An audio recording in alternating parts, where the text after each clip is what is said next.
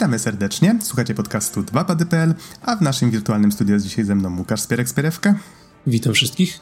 A mówi Adam Noxa 15 Dębski, nagrywamy w poniedziałek 18 maja 2020 i będziemy teraz po raz kolejny rozmawiać o Finalu 7 Remake. Temat, który nie umiera nie umiera i prawdopodobnie, jak tutaj żeśmy rozmawiali tuż przed nagrywaniem, jeszcze długo u nas nie umrze, bo no, w sumie sporo osób w redakcji już ograło grę, ale nie jesteśmy w stanie się jakoś tak zebrać w większym gronie, a każdy chciałby coś o tym powiedzieć. Zobaczymy. Na pewno jeszcze się pojawi. Niemniej teraz, przypomnę tak, nagraliśmy już jedną recenzję, która ukazała się przed premierą gry, na dzień przed premierą, co nam się bardzo rzadko zdarza. Yy, to była recenzja Surfera. W tej chwili ze Spierkiem nagramy trochę też taką krótszą, na, znaczy krótszą, w sumie podobnej długości być może naszą własną recenzję i chcielibyśmy też trochę ym, pospoilować, ale to już w osobnym materiale w spoilerkaście, który prawdopodobnie ukaże się niedługo po tej recenzji. Tak więc, żeby od razu przechodzić do rzeczy, Przypomnijmy może podstawowe informacje. Final 7, ten oryginalny, wyszedł na pierwsze PlayStation, było to w 97, więc szmat czasu temu. E, natomiast remake wyszedł w tym roku i to miało miejsce, już muszę sobie przypomnieć, 10 kwietnia. 10 kwietnia gra powstała na Unrealu 4 i z tego co widzę wyszła na razie tylko na PlayStation 4, więc to jest widoczny jakiś czasowy ekskluzyw. Nie śledziłem sprawy, więc domyślam się, że gra prędzej czy później pewnie trafi też na wszystko inne. Mm, I dobrze, i powiedz mi w takim razie, Spierek, może nie obwijając w bawełnę, jak ci się grało w remake? Czy ty w ogóle grałeś w oryginał? O, to jest chyba dobre pytanie, żeby zacząć.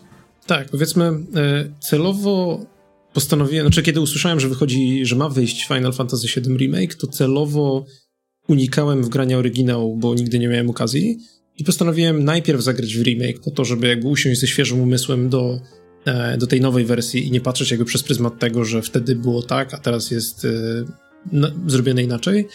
E, a następnie chciałem właśnie ograć oryginał po to, żeby porównać jakby od tej drugiej strony sobie content. I to też zrobiłem. W sensie najpierw przyszedłem sobie Final Fantasy VII Remake, zajęło mi to około 30 godzin, a potem y, dosłownie tego samego wieczoru y, w zremasterowanej, powiedzmy, wersji na PS4 skończyłem e, jakby analogiczną część oryginału, w sensie do momentu wyjścia z miasta. I zajęło mi to 3 godziny. Tak, to jest ważna informacja. Jeżeli ktoś nie słuchał poprzedniej recenzji, to już tłumaczę, mm, albo siedział pod kamieniem przez ostatnie dwa lata, albo się nie interesuje JRPG-ami. Oryginalna siódemka Square Enix dawno temu stwierdziło, że ma tyle w sobie kontentu, zawartości, że nie są w stanie na dzisiejsze standardy tego przełożyć z dzisiejszą grafiką i zrobić tego na raz. Więc wzięli początek gry, te pierwsze kilka godzin, a następnie właśnie... dopisali do tego fanfiction. A następnie dopisali do tego fanfiction, dokładnie tak. Albo mówiąc inaczej, spełniły się moje obawy, że rozdmuchali to z kilku godzin do kilkudziesięciu. Mnie przejście gry zajęło 55, więc dużo dłużej niż tobie. E, przy czym robiłem wszystko, co właściwie gra mi podsuwała. Dosłownie, co tylko byłem w stanie, to robiłem i miałem nawet, muszę przyznać, przy tym całkiem sporo frajdy. Na pewno też dużo tego czasu zjadło mi takie techniczne różne rzeczy. Powiedzmy, że takie zboczenie zawodowe. Przyglądałem się tłom, skyboxom, obiektom. Ba, powiem więcej, w grze pojawiły się huby, takie, w których nie było w oryginale. Miejsca, gdzie widzimy, jak, jak żyją ludzie, w jakich warunkach, możemy sobie pospacerować, zebrać jakieś questy, wykonać je. I Powiedzmy, ten... że w oryginale były takie dwa rejony Mm-hmm. Były to, to znaczy... slumsy w sektorze siódmym i Wall Market. To były takie rejony, gdzie faktycznie można było sobie coś tam pochodzić, coś tam porobić. To znaczy, chodzi mi tutaj, tak, tak, tak, masz jak najbardziej rację. Chodzi mi po prostu o to, że tutaj ich rola została znacznie poszerzona. Tak jakby starano się dorzucić więcej mięsa do, do fabuły, albo mówiąc inaczej, wrzucić więcej zapychaczy. Bo wydaje mi się, że gdyby tak porównać bezpośrednio oryginał z właśnie z, z remake'iem, to widać wyraźnie, że oryginał, nie wiem czy się ze mną zgodzisz, ma takie fajne tempo takiego dobrego filmu akcji, że tam, przynajmniej mm. początek, ten, ten Midgar, tak?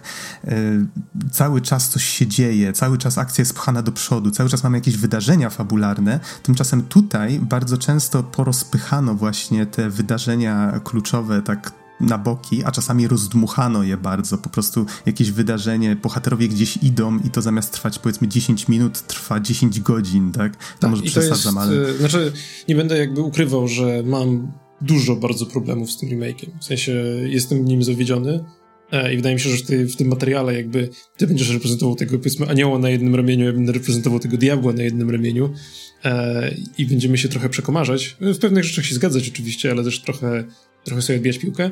Natomiast e, e, zgadzam się absolutnie z tobą, że właśnie wiele sekcji, które w oryginale zajmowały 10 minut, no może trochę więcej powiedzmy, bo, bo jakaś tam walka była po drodze, e, to tutaj rozciągnięto na takie na przykład półtorej godzinne rozdziały. W sensie jest na przykład sekcja, gdzie, nie jest to w sumie duży spoiler, gdzie idziemy przez opuszczone jakby cmentarzysko pociągów, no i właśnie w oryginale to jest dosłownie, idziemy przez jeden ekran i wychodzimy, już jesteśmy tam, gdzie trzeba. A tutaj zrobiono z tego jakby cały półtorej godzinny epizod z swoją mini fabułą, która tak naprawdę donikąd nie prowadzi, e, jakimiś dialogami, które tak naprawdę w ogóle nie budują postaci i w sumie jakby spędzamy półtorej godziny będąc zaangażowani przez grę i przechodząc przez jakąś lokację i rozwiązując jakieś zagadki, jest nawet walka z bossem, ale jakby nie rozwija to tej akcji w żaden sposób. To jest trochę tak, że jakby yy, tak jak właśnie dobrze to porównałeś, w sensie fabuła oryginału to jest taki film akcji, to jest taki rozpędzony pociąg, który jedzie i jakby nie zatrzymuje się nawet na chwilę aż do momentu wyjścia z miasta,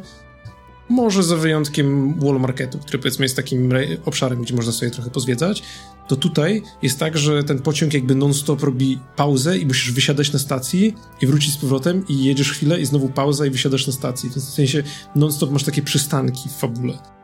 Ta, tak, to jest coś, co muszę przyznać, że trochę mnie frustrowało. To znaczy, ta wiedza na temat tego, co się zaraz wydarzy, na podstawie właśnie znajomości oryginału, sprawiła, że czułem się miejscami taki sfrustrowany grając w tę grę, że no okej, okay, fajnie, ten quest nie wygląda ciekawie. No wiem, że mam tam iść i ubić tego potworka, przyjść, odebrać nagrodę, ale dajcie mi już zobaczyć tę kolejną scenę, tak? Ja ją pamiętam, była fajna, jestem ciekaw, jak będzie tutaj wyglądać. Z czasem się do tego przyzwyczaiłem i nie chcę, żeby tutaj ktoś źle mnie zrozumiał, bo e, najłatwiej jest narzekać, ja wiem, ale naprawdę świetnie się przy tej grze bawiłem. To jest tak, że dużo momentów tutaj faktycznie wydaje mi się, że dałoby się z niej wywalić bez szkody dla tej gry, ale gdy do niej siadałem, to autentycznie nie mogłem się oderwać. To było tak, że właściwie świat przestawał dla mnie istnieć i ja żyłem w tym Midgarze przez N godzin, tak, dopóki się od tej gry nie oderwałem i, i z, wraz z, z promieniami słońca nie szedłem spać, bo w końcu trzeba kiedyś się położyć. Więc mam dużo rzeczy, do których chciałbym się przyczepić. Na pewno nie wszystkie zdążę tutaj wymienić. Poza tym niektórymi nawet nie warto sobie głowy zawracać, e, bo są mało istotne, ale wydaje mi się, że gra jako taka jest naprawdę świetna i chyba jako właściwie. Hmm, no, powiem tak. Square Enix, ja nie grałem we wszystkie gry Square Enixu, ale przez ostatnie kilka lat tak wybrane jakieś grałem. No powiedzmy Mm, nie Rautomato. Nie Rauto, okej, okay, to, to jest trochę inna liga, powiedzmy tak. Ja bardziej jak mówię gry Square Enixu, to nie myślę nawet Deus Ex, czy, czy te właśnie zachodnie marki, które w pewnym momencie wskoczyły czy do ich bardziej katalogu. Final 15, Dragon Quest. Tak, akurat Dragon Questem nigdy się nie interesowałem, ale mam na myśli bardziej Kingdom Hearts, mam na myśli Finale. I akurat z Finalami, przyznam szczerze, niewiele ich przeszedłem w życiu, ale właśnie trzynastkę przeszedłem, przeszedłem piętnastkę, więc 13.2 chyba nawet recenzowałem na podcaście kiedyś tam, więc powiedzmy, że te ostatnie finale trochę, trochę kojarzę, tak? I mam wrażenie, że... Mm, że właśnie ta, ten remake siódemki, on faktycznie jest gameplayowo naprawdę dobrą grą. W sensie gra się w niego świetnie, ma bardzo fajny świat, ma dużo bardzo fajnych momentów. Wiele razy się uśmiałem zdrowo, naprawdę. E, nie, nie chcę tutaj mówić oczywiście przy jakich momentach, jeżeli ktoś nie grał w oryginał, ale no, no, niektóre rzeczy naprawdę zrobiono świetnie, zwłaszcza te, które właśnie są, bazują na tym, co już było. Ale właśnie, tutaj gadamy o takich rzeczach. Jeszcze mam nadzieję, że ty właśnie dodasz to jakieś takie, które ci się podobały, albo może, może nic ci się nie podobało, nie wiem. Ale wydaje mi się, że na początku powinniśmy w ogóle powiedzieć, o co w tej grze chodzi, bo może... może... Znaczy, wydaje mi się, że możemy to streścić, bo tak, też zakładam, tak, że jeżeli ktoś był naprawdę zainteresowany grą, to, to też pewnie podniósł nasz poprzedni materiał. Mhm. E, ale w, dużej, w dużym skrócie gramy, gramy jako Cloud Strife, najemnik, e, który jest ex-soldierem, w sensie kiedyś był Soldierem. Soldier to jest jakby taka jednostka specjalna korporacji Shinra, która e, jest chyba jedną z największych korporacji w świecie gry, nie jestem tego do końca pewien. No tak, to jest taka, taka mega korporacja, która właściwie można powiedzieć, że ma takie wpływy, że rządzi wszystkim, tak? Jest odpowiedzialna za budowę i zarządzanie miastem, w którym dzieje się cała akcja gry, czyli Midgarem. E, I jakby my gramy w opozycji dla nich, dołączamy jak, jako najemnik na początku, potem się w to wciągamy trochę bardziej e, do takiej mm, organizacji terrorystycznej, która nazywa się Avalanche, która walczy właśnie z tą korporacją, bo uważa, że ta korporacja wysysa energię z planety i w ten sposób przyczynia się do zagłady, do powolnej zagłady świata. Tak, i początek gry to jest ta taka ta taka słynna scena z siódemki, czyli jak pociąg jedzie w stronę reaktora, który właśnie Avalanche stara się na początku wysadzić.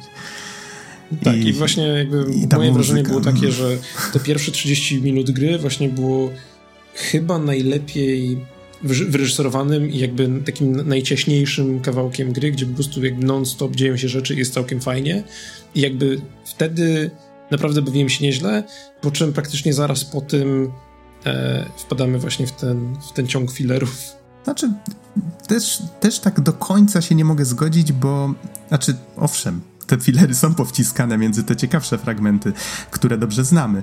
Y, tutaj, żeby może podać taki szybki przykład z tego, co pamiętam w oryginale było tak, że bohaterowie powiedzmy kończą jedną ważną akcję i od razu ruszają na kolejną, a tutaj mówią dajmy sobie czas, odpocznijmy, pójdźmy spać, rano Cloud tam powiedzmy zarabia trochę robiąc questy, bo hej Cloud, może chciałbyś zarobić trochę szmalu, tak? No, na tej zasadzie.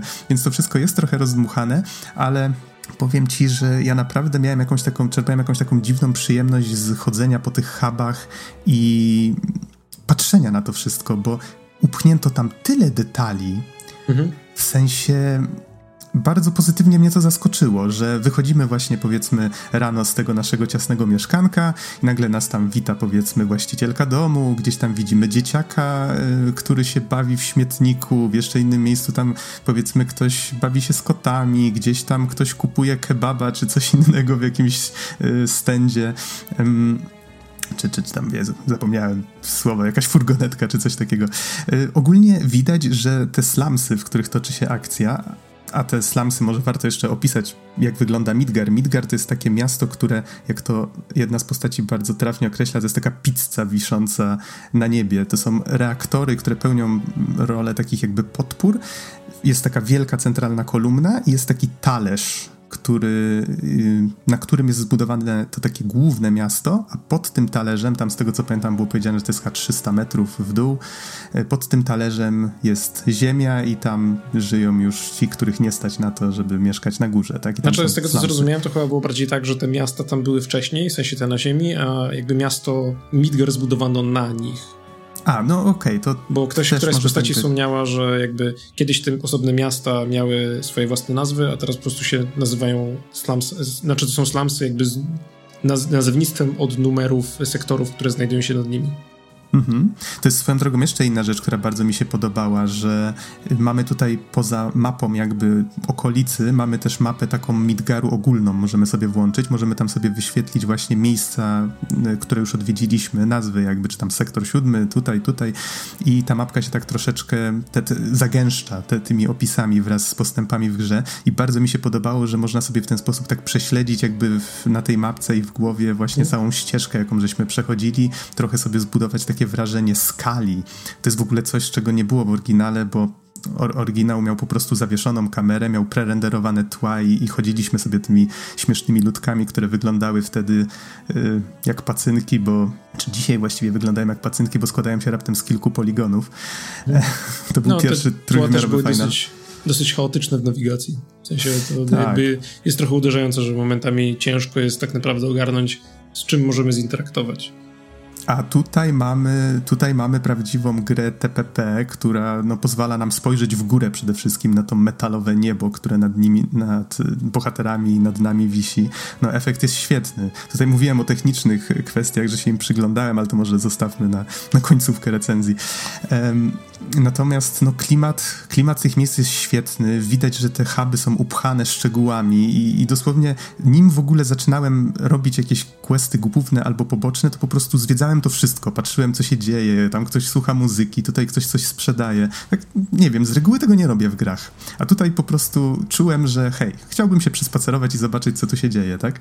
Więc ja możliwe, powiem... że dlatego tyle czasu mi to zjadło. Ja ci powiem tak, ja to robiłem w pierwszym sektorze, czyli właśnie w tych slumsach sektoru siódmego jakby w tej pierwszej strefie takiej hubowej, którą mamy w grze. I faktycznie też zrobiło to na mnie duże wrażenie, że jest, e, jest bardzo dużo e, postaci niezależnych, które sobie tam coś tam robią, niektóre sobie siedzą, rozmawiają, inne sobie piją jakieś tam drinki, jeszcze inne jakby znajdują się w różnych pozach i każda, większość z nich jakby jak się podejdzie koło nich, to ma jakąś tam kwestię co ciekawe, nie musimy jakby zinteraktować z kimś, żeby nam tego powiedział, tylko po prostu jakby y, podsłuchujemy e, rozmowy, które są wyświetlane z boku ekranu, to jest bardzo, bardzo fajne.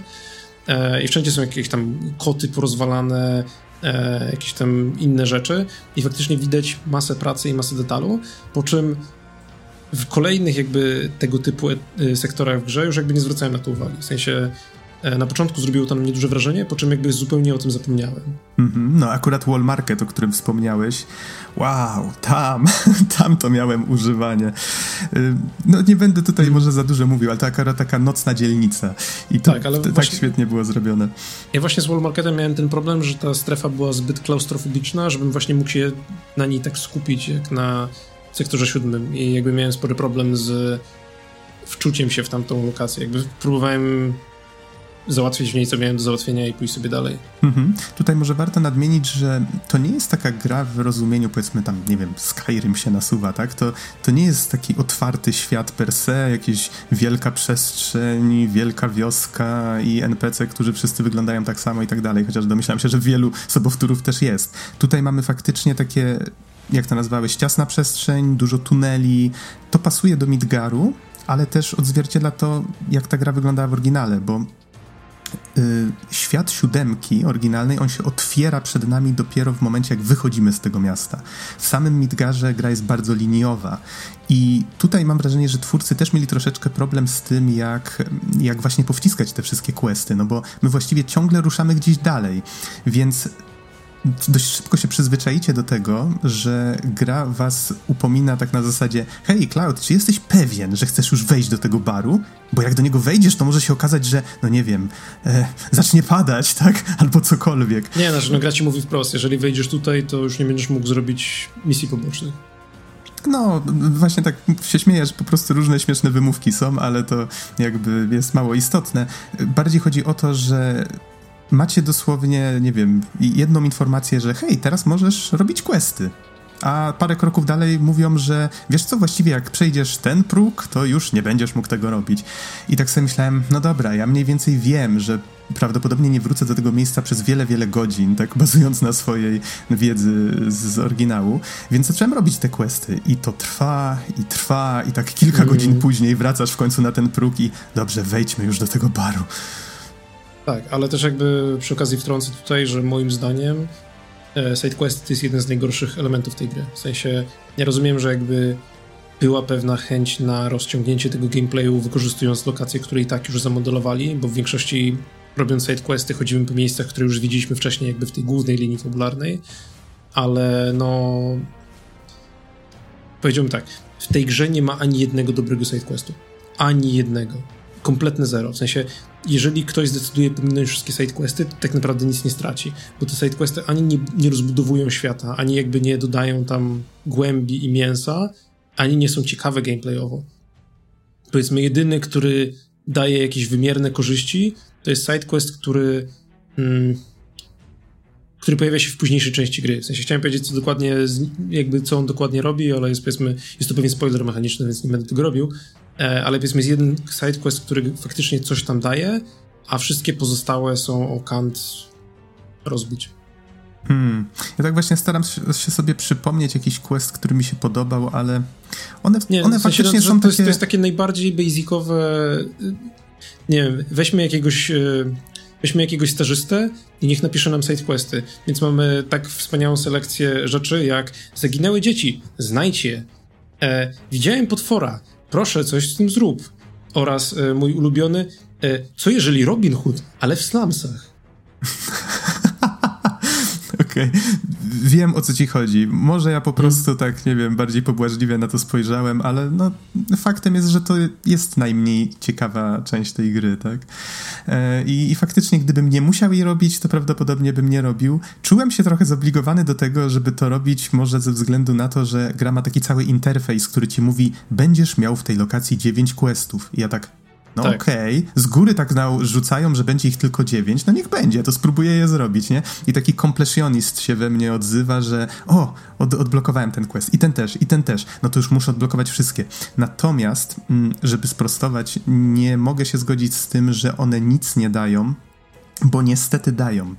Co prawda dowiedziałem się o tym już po przejściu gry i nie chcę tu wnikać w szczegóły, ale te questy wpływają na pewne sceny i może się okazać, że jeżeli je wszystkie pominiecie, będziecie mieli w pewnych scenach zupełnie inne rzeczy niż... E, co prawda nie są to rzeczy wpływające mocno na fabułę, ale to są takie troszkę można powiedzieć takie fanserwisowe nagrody. O, może tak to, tak to ujmę, tak? Ja robiłem wszystkie, miałem dość takie fajne, zabawne sceny i nagle się dowiaduję, że niektórzy nie mieli takich scen, mieli zupełnie inne też. Okej, okay, to ja, fajne, ja zrobiłem ale... wszystkie, ale jakby nie, nie byłem nawet świadom tego, że to na coś wpływa. No, może tutaj, żeby tak enigmatycznie powiedzieć, ktoś na przykład będzie inaczej ubrany w pewnym momencie, no. I tyle. Więc to są takie drobiazgi, tak? I powiedzmy wokół tego będzie wokół tego będzie jakaś inna rozmowa albo troszkę inna scenka. W ogóle cutsceny są tak fajnie zrobione i... Cutsceny są super, tak graficznie, nie wiem, na przykład jest tu moment, kiedy jedziemy pociągiem i nagle przeciwnicy się w tym pociągu pojawiają. I to tak dobrze jest zrobione. W ogóle każda walka zaczyna się takim motywem muzycznym, że nawet jak wysłali mnie, żeby polować na szczury, to czułem się kurde, jakbym walczył z ostatnim bossem. No, znaczy, jeżeli chodzi właśnie o te dwie rzeczy, znaczy o, o cutsceny, ale też o to, jak e, uspójnione są cutsceny w świecie gry, to wydaje mi się, że jest to coś, co zdecydowanie zasługuje na pochwałę, bo widać, że jakby e, deweloperzy bardzo mocno wzięli sobie do serca to, że chcieli oddać tutaj jakość wizualną i wykonania takiego filmu 3D, takiego filmu 3D, który byś widział w kinie, więc e, reżyseria cutscene jest naprawdę super, e, przejścia kamery, jakby efekty, etc. są naprawdę fajnie zrobione i potem często po cutscenach jeszcze mamy takie płynne przejście prosto za plecy Clouda jakby gameplay kontynuuje bezszwowo od tego miejscu dalej. Więc e, powiedzmy, jest to jedna z niewielu gier, które zrobiły to aż tak dobrze moim zdaniem i tu jakby zdecydowanie zasługują na pochwałę. E, przy czym cutscene jest też tak dużo, że wydaje mi się grając, że gdyby to była gra Hideo Kojimy, to spokojnie jakby kupiłbym to, że to on zrobił, bo mam, miałem wrażenie, że jakby jedna trzecia całego czasu gry to jest po prostu oglądanie tych filmów. Można i tak do tego podejść. W sensie szczególnie w dalszej części gry są takie momenty, że na przykład e, jest cutscena, po czym cutscena się kończy, Cloud przechodzi dwa kroki, jest kolejna cutscena, po czym e, przenosi nas do innej lokacji i Cloud na przykład powiedzmy wstaje z łóżka i znowu cutscena. I to powiedzmy gra jest w stanie ciągnąć tak bez przerwy praktycznie pół godziny. W sensie my jedliśmy obiad w trakcie rozgrywki parokrotnie. wow. Znaczy, wiesz co, powiem ci tak, mnie to nie przeszkadzało. Jeszcze nawet sam gameplay sprawdza się naprawdę świetnie, bo zmieniono zupełnie system walki. Wiem, że niektórzy być może mogą narzekać, że okej, okay, to jest już troszkę zbyt mocno odchodzące od oryginału, ale Wydaje mi się, że dobrze, że to zrobili. Oni już tak od lat szukają, co właściwie zrobić z tym finalem, żeby to nie było tylko okej, okay, drużyna potworków, drużyna nasza, e, no to się wy, tam wybieramy akcję, jaką chcemy i się atakują nawzajem, pyk, pyk, pyk, tak. Potem w siódemce wprowadzili ten Jeju, surfer mi przypomina... Active Time Battle. O, dziękuję. Surfer mi przypominał, jak to się nazywa, znowu zapomniałem. I ten Active Time Battle, on chyba przez ileś tam finali istniał, ja nie pamiętam, czy on tam był chyba, być może nie mhm. był od początku.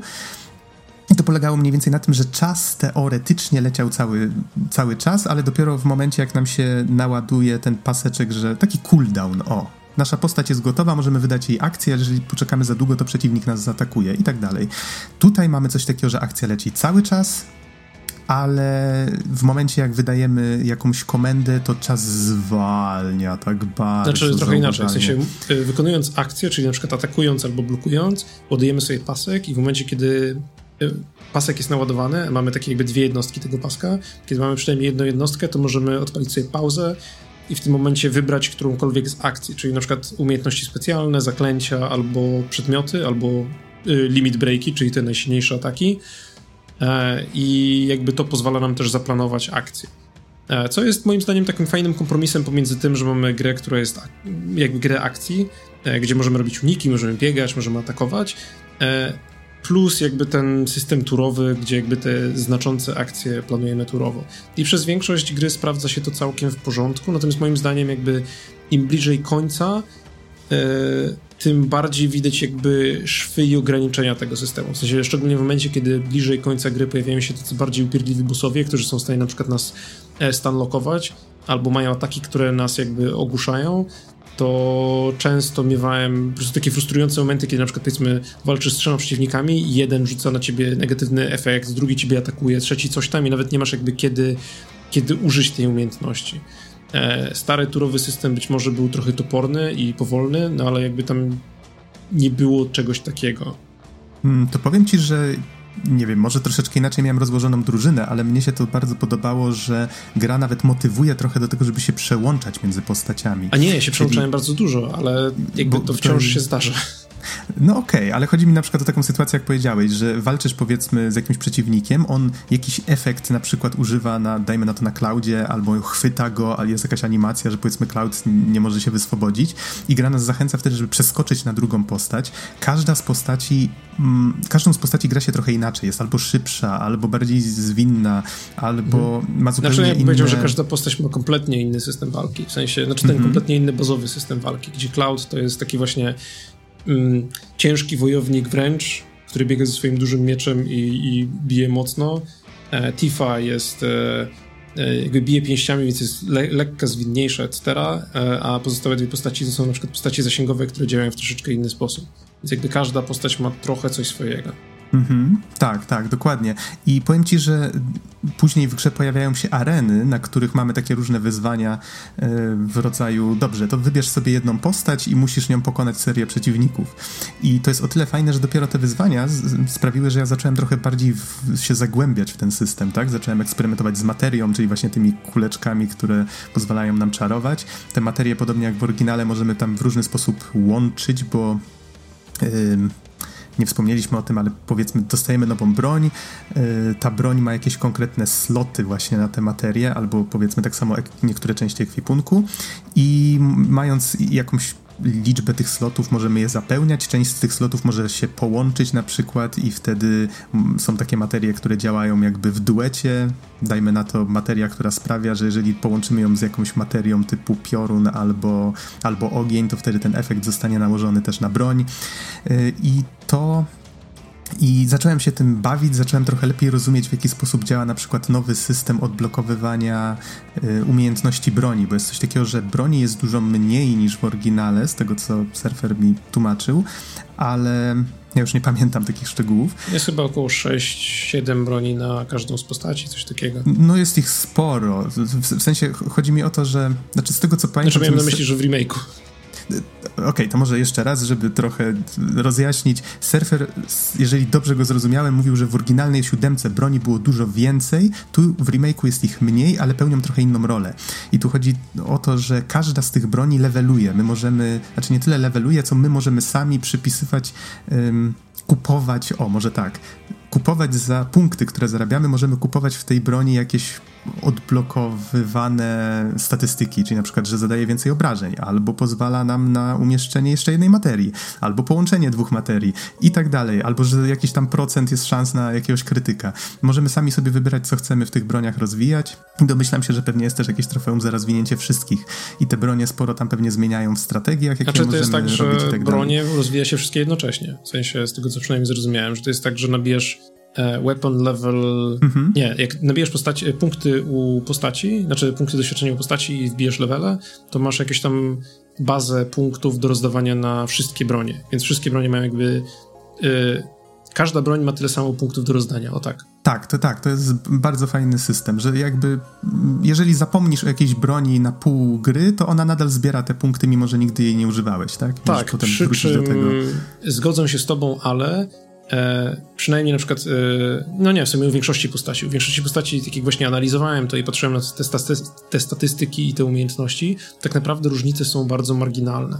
W sensie, znaczy, e, marginalne są różnice pomiędzy e, funkcjonalnością tych broni, a zamiast tego prawie każda następna broń, którą dostajemy jest po prostu lepsza. W sensie, e, jeżeli dostajemy jakąś broń, to zwykle ona jest w stanie po wydaniu tych wszystkich punktów umiejętności zastąpić poprzednią broń, po prostu jest lepsza w, w, swoich statystykach, zamiast oferować trochę inny styl walki, za wyjątkiem wydaje mi się, że jednej albo dwóch broni na każdej z postaci, które na przykład przełączają pomiędzy tym, że teraz ta postać jest na przykład bardziej ukierunkowana na magię niż na atak fizyczny. Powiedzmy na przykład u Clouda, jak zerknąłem na wszystkie, na większość mieczy, no to większość mieczy jakby na przykład miała e, po prostu wysoki atak fizyczny, powiedzmy jedna chyba miała y, słaby atak fizyczny, ale silny atak magiczny. I jakby no to nie jest aż tak ciekawa różnica. Najbardziej różnią się tym, że każda z broni ma swoją własną unikalną umiejętność, którą musimy poużywać ileś tam razy w konkretnych warunkach po to, żeby się jej nauczyć permanentnie i móc jej używać na innych broniach.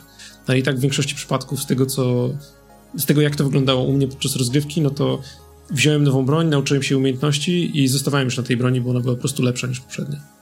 To u mnie było tak, że jak grałem chyba już, nie wiem, 20 godzin ponad, yy, mam wrażenie, że dopiero w tej lokacji, o której wspomniałeś, na tym cmentarzysku, yy, stwierdziłem, że hmm, w sumie to ja chyba do końca nie rozumiem, jak działają te umiejętności, tak? Patrzę, patrzę, patrzę, Aha, czyli to trzeba używać.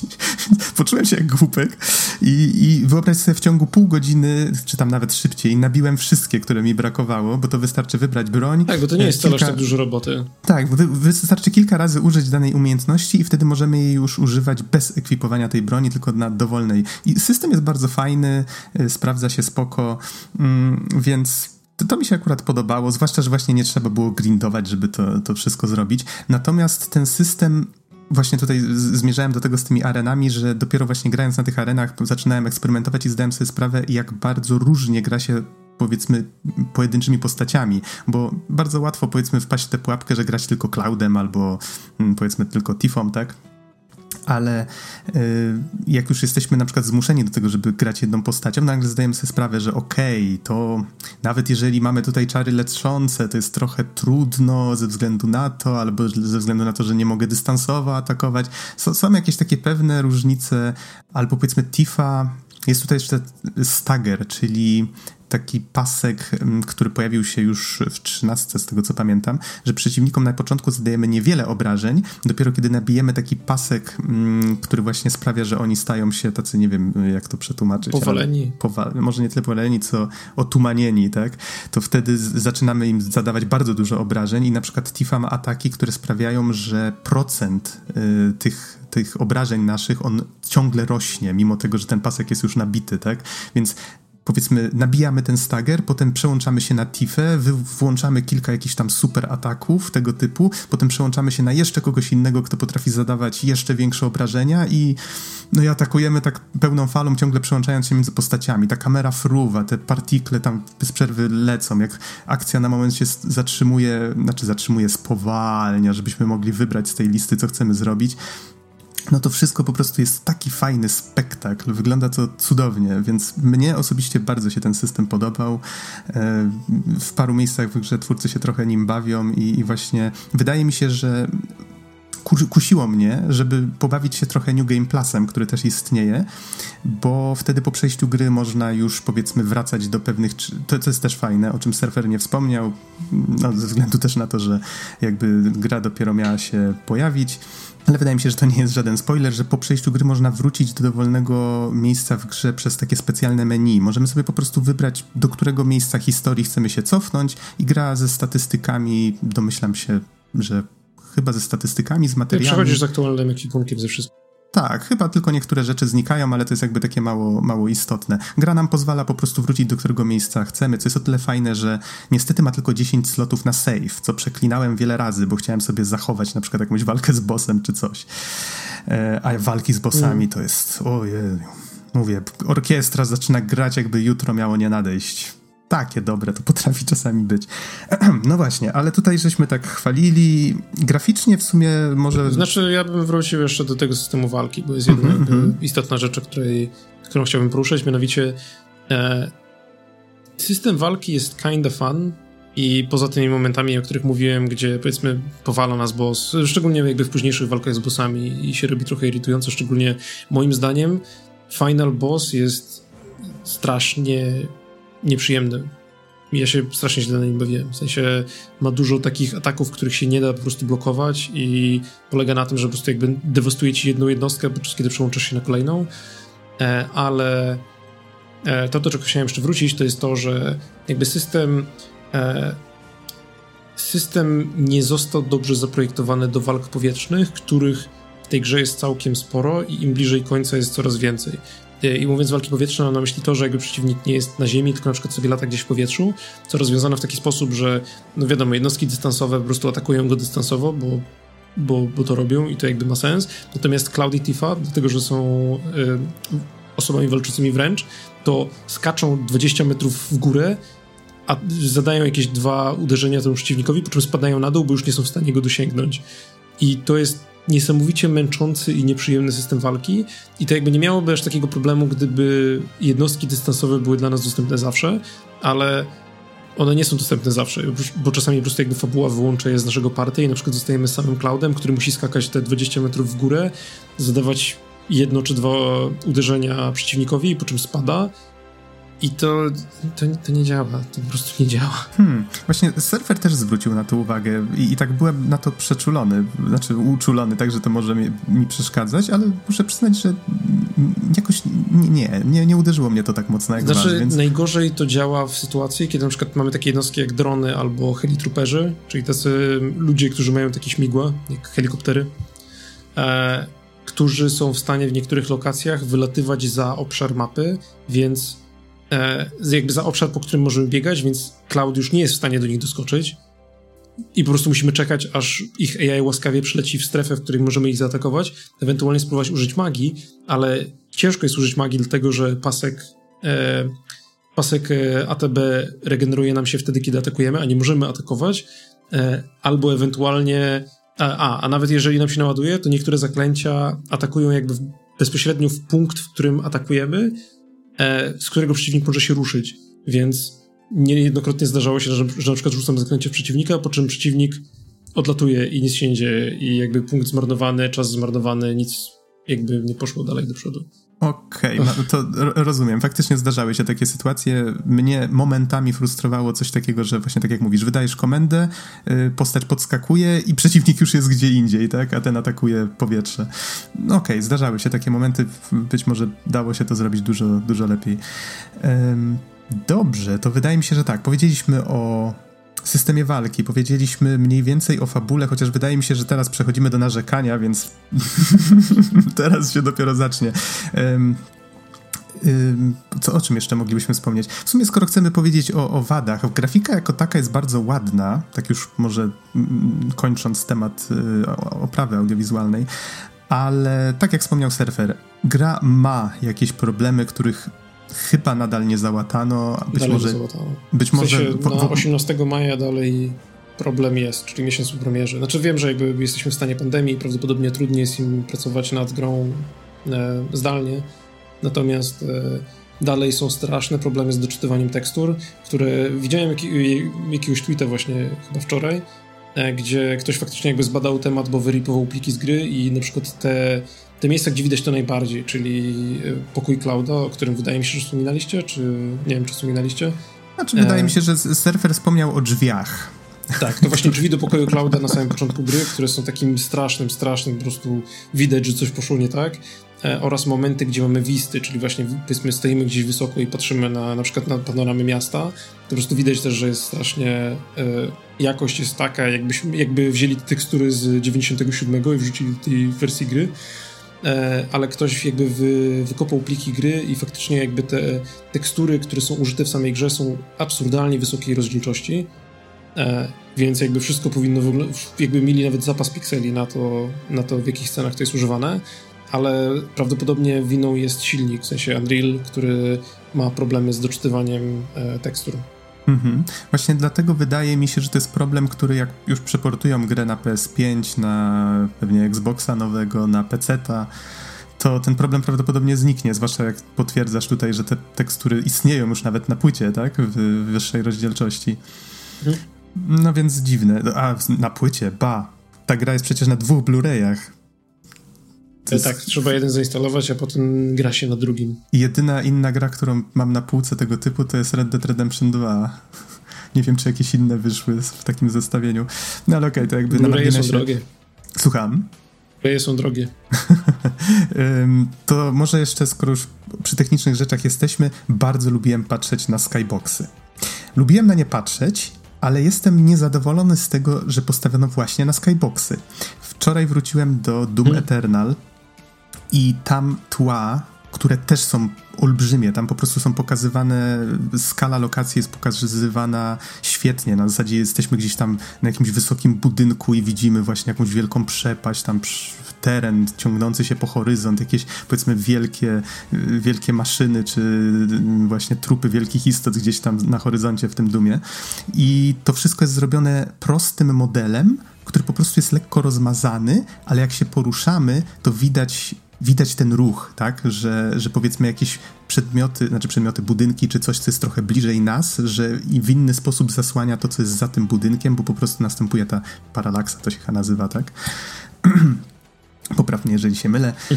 I tutaj tego brakuje, bo to wszystko jest wypalone. Całe otoczenie, cały ten model, który twórcy zrobili dookoła, po prostu wypalili na sferze i wstawili to. I to wygląda bardzo ładnie, tylko tak, właśnie. Ale czuć, że brakuje. Tak, i są miejsca w grze, w grze, gdzie bardzo mi tego brakowało. Powiedzmy, gdzieś tam patrzymy w dół i widzimy, że to miasto pod nami jest po prostu po prostu płaskie i, i coś, coś nie gra, tak? Bardzo często można zobaczyć jakieś takie przekłamania w rodzaju. No i tutaj oczywiście te moje 55 godzin gapienia się na to sprawiło, że to zauważyłem. Domyślam się, że mało kto na to zwrócił uwagę. Właśnie tak bardzo lubiłem badać ten Midgar i układać sobie w głowę mapę, skalę tego miejsca. Takie może level designerskie skrzywienie trochę, ale patrzę powiedzmy na mur, który oddziela sektory i widzę, że ten mur powinien iść od reaktora do centralnej kolumny, ale gdzieś tam skręca w prawo. Dlaczego tak się dzieje? No bo ten jeden skybox został wypalony prawdopodobnie w jednym miejscu, a musi się pojawiać też w kilku innych miejscach i my chodzimy, a to tło cały czas wygląda tak samo. Więc ten mur po prostu, w zależności od tego, gdzie stoimy, to trochę inaczej przekłamuje akcję, tak? No już pomijam fakt, że powiedzmy między rozdziałami pewne rzeczy się zmieniają i my po prostu w jednym rozdziale na przykład powinniśmy coś widzieć w tle, a tego nie widać i tak dalej. No ale powiedzmy, że to jest też takie bardzo czepianie się szczegółów. Bardzo lubiłem to wyłapywać właśnie dlatego, że spodobało mi się to jak dużo tej przestrzenności się w Midgarze nagle pojawiło. Więc jakby to są takie narzekania, które wynikają z tego, że bardzo mi się spodobało to, co zrobili i bardzo chciałem po prostu wnikać w to, gdzie popełnili ewentualne błędy. No, ale to tak jakby na, na marginesie taka może ciekawostka techniczna. Yy, mam nadzieję, chociaż wątpię, żeby to zrobili, ale że jeżeli gra trafi na jakieś nowsze platformy, może oni mają te modele, może kiedyś to zmienią, jakiś powiedzmy Final Fantasy Remake 2.0 czy, czy coś, ale raczej bym na to nie liczył. No dobrze, to czy chcemy na, ponarzekać jeszcze na coś, nim skończymy recenzję? O, miałem coś takiego na jakby w tyle głowy. E, Wydaje mi się... Mhm. Znaczy, jak sobie przypomnisz, to powiedz, ale wydaje mi się, że rzecz, na którą najbardziej chcieliśmy ponarzekać i mam wrażenie, że najbardziej będziemy na nią narzekać na spoilerkaście, bo teraz nie możemy, ale Surfer wspomniał w swojej recenzji o tym, że twórcy bawią się z nami tutaj trochę w taką metagrę. I wydaje mi się, że bardzo ładnie to ujął, żeby jakby nie zdradzać zbyt wiele. Też nie chciałbym tutaj oczywiście wchodzić zbytnie szczegóły.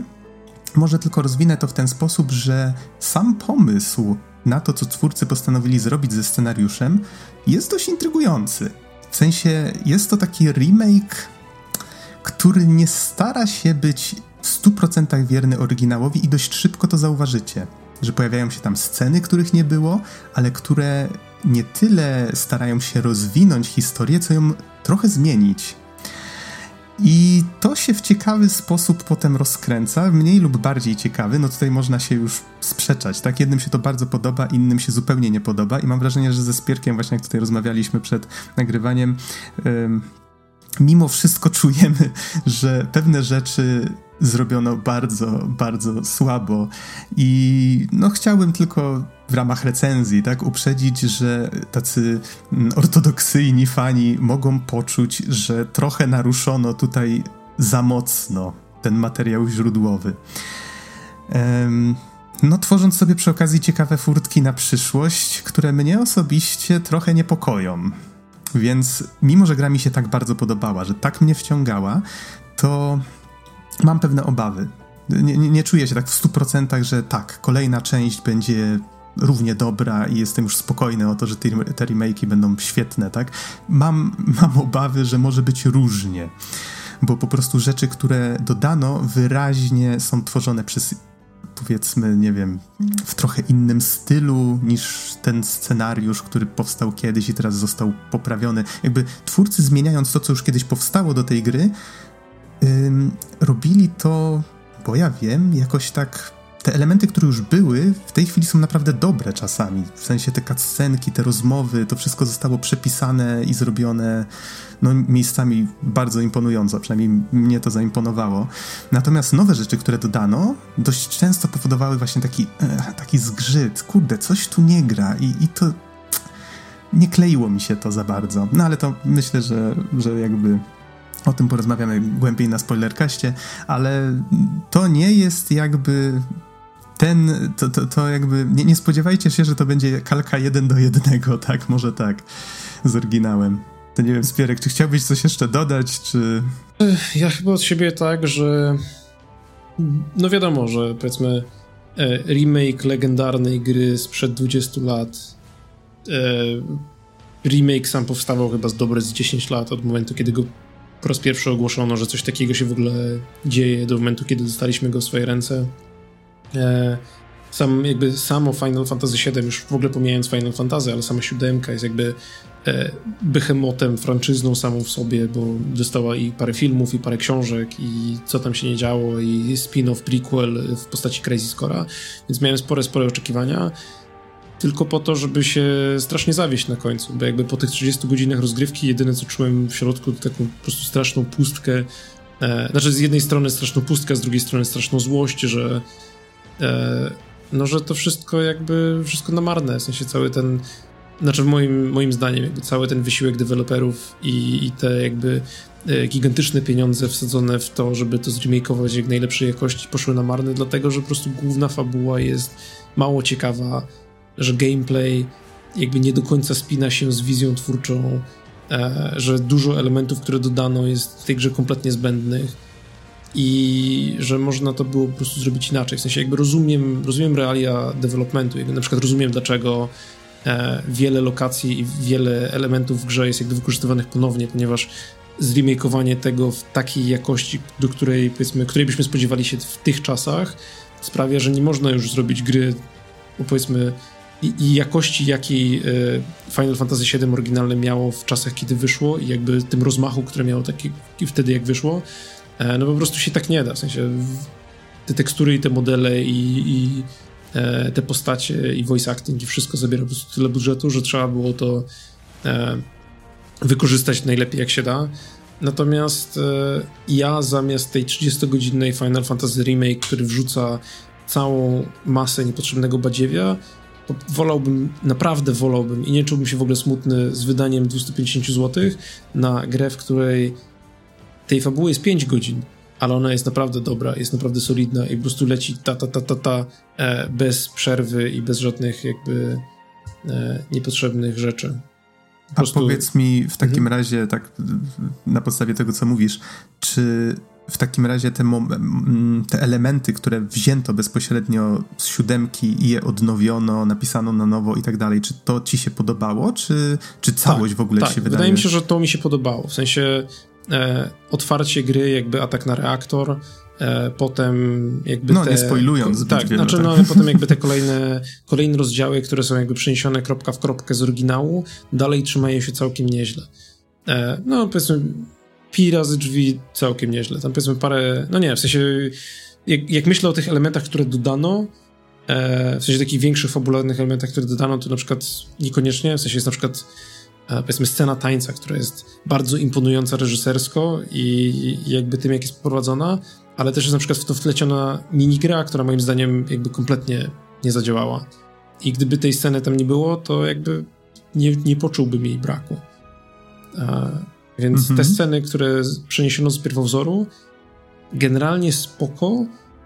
Y, natomiast też jest parę scen na przykład, które oczywiście jakby wyrenderowano w lepszej jakości, ale y, ich rozdźwięk był gorszy. No ale o tym sobie możemy już tam porozbierać y, w spoilerkaście. W sensie moim zdaniem jakby największy, największy problem, który mam z tym remake'iem jest taki, że grałem w oryginał zaraz po jego przejściu, to byłem mega pod wrażeniem tego, jak oryginał w krótszym czasie i z mniejszą ilością tekstu buduje akcje i buduje, jakby charakteryzuje te postaci w dużo ciekawszy sposób. Na przykład Barrett e, w remake'u jest postacią, która non-stop się wydziera i non-stop jest agresywna i jakby nienawidzę tego człowieka i nie chcę z nim przebywać, a przebywamy z nim naprawdę dużo czasu w tej grze. Przez kiedy w oryginale raz, że nie ma voice actingu, to naprawdę dużo pomaga. Jak mógł włączyć dla niektórych pojedynczych postaci w tej grze voice acting, to bym to zrobił bez wahania. E, natomiast e, też, no nie wiem, jakby na przykład jego cała, cała jego relacja z córką jest zarysowana w dużo mniejszej ilości tekstu, ale ten tekst pozostawia wyobraźni tyle do działania, że ty jakby nie potrzebujesz więcej. W sensie czytasz to, co jest napisane i mówisz, okej, okay, dobra, jakby te postaci stoją na tym i to jest spoko. I ja chętnie się dowiem więcej na temat tych postaci. Podczas kiedy tutaj są robione całe wywody, jakieś filozoficzne przemyślenia i ten jest zupełnie niepotrzebne, zupełnie niepotrzebne mówię, zmarnowany effort deweloperski moim zdaniem, który mógł pójść, pójść w coś ciekawszego. Mhm. No to wydaje mi się, że tutaj ty, tylko... ale sobie, ale sobie ulżyłem. A to jeszcze dopiero początek. To dopiero początek. No wydaje mi się, że tutaj wgryziemy się w to teraz na, na spoilerkaście. Natomiast, bo to chyba już wymaga dokładniejszego zbadania.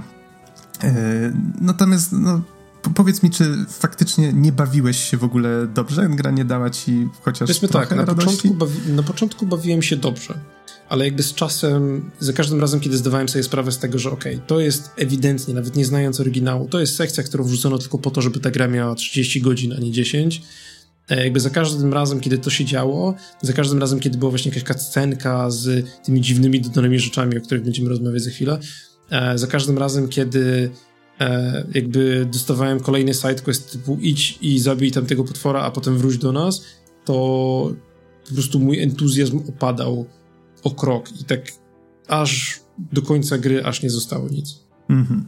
To może, dla, żeby zakończyć na jakiejś takiej bardziej pozytywnej nucie dla równowagi, to przypomnę, że mnie gra pod wieloma względami bardzo się podobała, ale faktycznie sam finał sprawił, że miałem bardzo, znaczy sam finał i parę miejsc po drodze. Zdarzały się takie miejsca, które wrzucono, które sprawiały, że miałem straszną huśtawkę właśnie takich wrażeń z tej gry, że myślałem sobie, nie, to jest czemu to zrobili, tak? Zupełnie niepotrzebnie. No i niestety to jest to, jest to co ty opisałeś dużo dosadniejszymi słowami. Dość mieszane te odczucia są i, i nadal zostały, bo ja ukończyłem grę dużo wcześniej. Natomiast y, osobiście bym polecił. Wydaje mi się, że warto po tę grę sięgnąć, nawet jeżeli się w oryginał nie grało. Twórcy zachęcają, żeby w oryginał mimo to zagrać, więc y, jest ku temu kilka dobrych powodów. Natomiast, y, no cóż, zobaczymy, co zrobią z kolejną częścią. Według mnie, mimo wszystko, w remake warto zagrać, a trochę dokładniej przedyskutujemy tę sprawę może, może za chwilę na spoilerkaście. Zagrajcie jeszcze raz w automaty. A, to jak, swoją drogą. Jak, jakbyście chcieli zagrać w ten remake, to zagrajcie po prostu w automatę. Zagrajcie z jakąś grę, w jakąś grę z dobrą fabułą.